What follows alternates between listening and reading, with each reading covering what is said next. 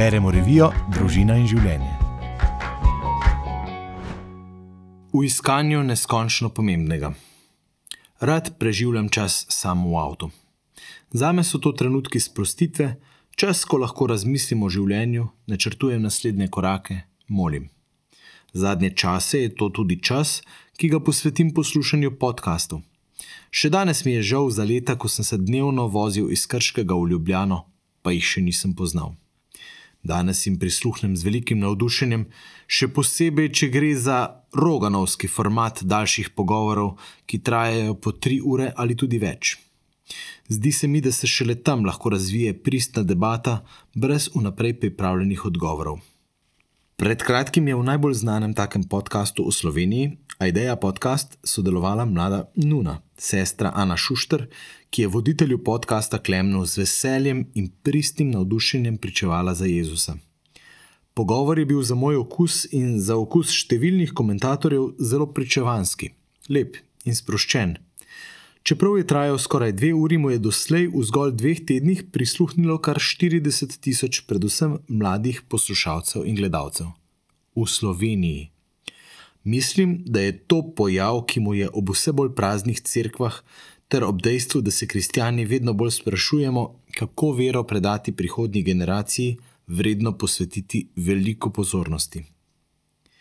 Mlada generacija bi rada prave odgovore. Očitno je, da mlado generacijo zanimajo odgovori na temeljna življenjska vprašanja, ki pa jih ne želijo slišati na znan, pridigarski način, pač pa na način pristnega iskanja globokih odgovorov. Voditelj Aideja podcasta Klemen je kot nekdani ministrant, ki je krščansko vero zapustil in šel iskat odgovore drugam, tipičen predstavnik te generacije. Pri svojem iskanju je pristen, zvedal in kaže, da ga stvari resnično zanimajo. Tudi v pogovoru s sestro Ano je deloval na tak način. Pogovor mi je postal najbolj zanimiv, ko ji je omenil, da iz različnih ver, filozofij in ideologij izbere tisto, kar mu je pri vsaki najbolj ustreza. Všeč mi je bilo, ko mu je sestra Ana na to simpatično odgovorila, da to ni fair, da če že vzameš, vzemi celotni sistem razmišljanja in verovanja, dobre in slabe strani. To se mi je zdel odličen, oseben odgovor, prežet z močjo ženske intuicije in z močjo svetega duha, ki jo več kot očitno napolnjuje. Zakaj pa jaz verujem? To vprašanje se mi zdi bistveno za vsakogar od nas. Sem si v življenju že kdaj resno zastavil vprašanje, zakaj je krščanstvo kot celota za me resnično? Ali jemljem iz krščanstva samo nekatere prvine, ki so mi všeč? Ali verujem, da je sveto pismo verodostojno in zakaj da? Oziroma zakaj ne? Kdo je Jezus Kristus za me in zakaj je ravno On tisti, ki je ustanovil pravo vero? Gre za temeljna vprašanja naše vere, ki bi si jih moral zastaviti vsak zrel kristjan. Žal si upam trditi, da si večina katoličanov v Sloveniji na ta vprašanja ni nikoli odgovorila.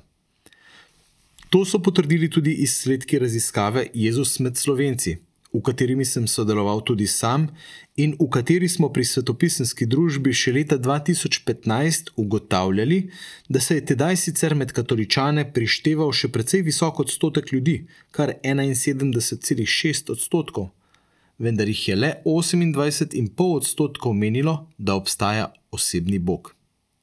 Še huje je bilo slišati, da je le 37,8 odstotkov teh, ki so se imeli za katoličane, menilo, da je Jezus dejansko telesno ustal od mrtvih. Ker gre za dve temeljni trditvi krščanskega verovanja, smo ugotovili, da večina ljudi, ki se imajo za verne, v svoje vsakdanje življenje ne vključuje niti najosnovnejših krščanskih verovanj.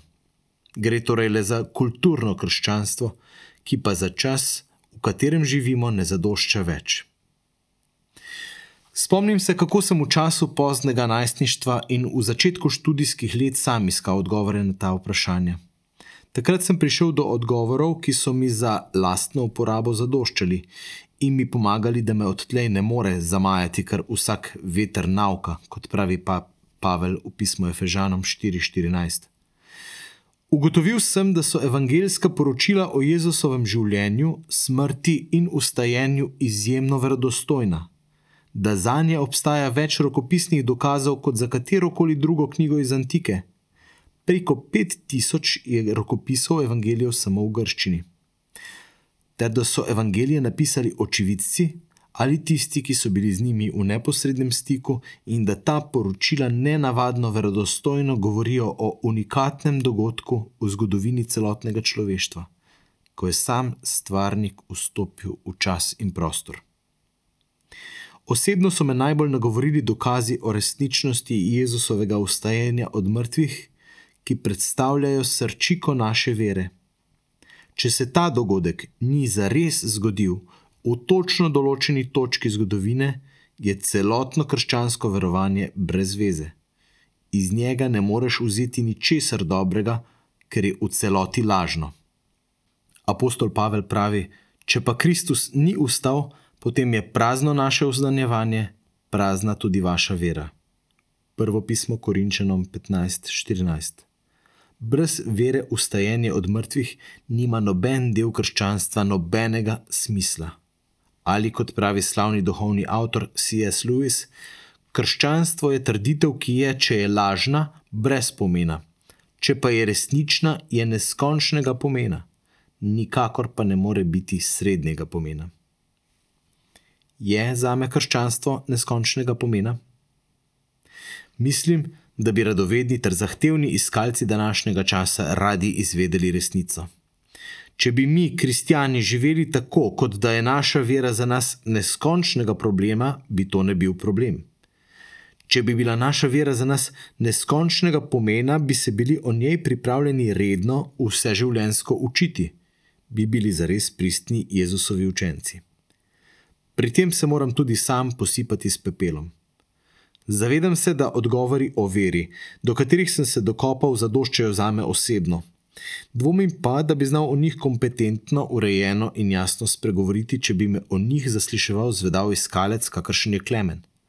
Kot gost na takšni oddaji bi lahko brez izdatne pomoči svetega duha s svojim lukničastim znanjem pogrnil na celi črti.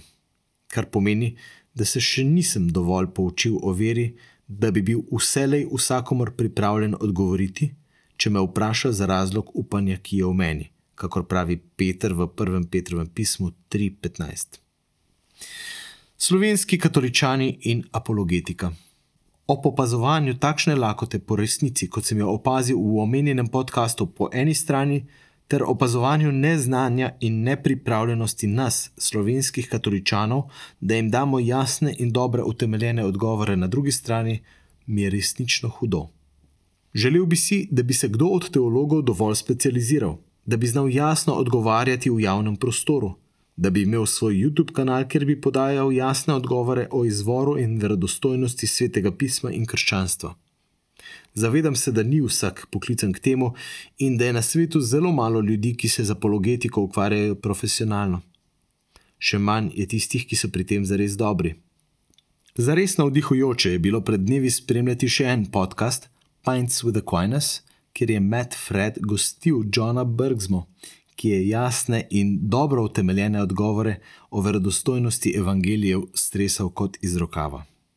Dokler se kaj podobnega ne zgodi tudi pri nas, smo vsi mi, običajni kristijani, poklicani, da se o svoji veri nenehno doizobražujemo. Pojdimo spet v šolo, pa ne tisto, ta zoprno, pač pa tako, kjer proaktivno sami poiščemo vire in postanemo Jezusovi aktivni učenci. Vzemimo v roke zvezek in se pustimo podočiti, ker je naša vera neskončnega pomena. In ker je neskončnega pomena, se usposobimo za vedno bolj zahtevna vprašanja, ki jih imajo generacije, ki prihajajo za nami. Priporočam, da se začnemo učiti kar na YouTubu. Za začetek obiščite spletno stran projekt.svetopismo.si, kjer boste našli serijo kratkih animiranih videov, opremljenih s slovenskimi podnapisi, ki duhovito, pa vendar strokovno odgovarjajo na številna vprašanja, ki se nam pojavljajo v zvezi s svetim pismom. Članek sem napisal in prebral Benjamin Sitter.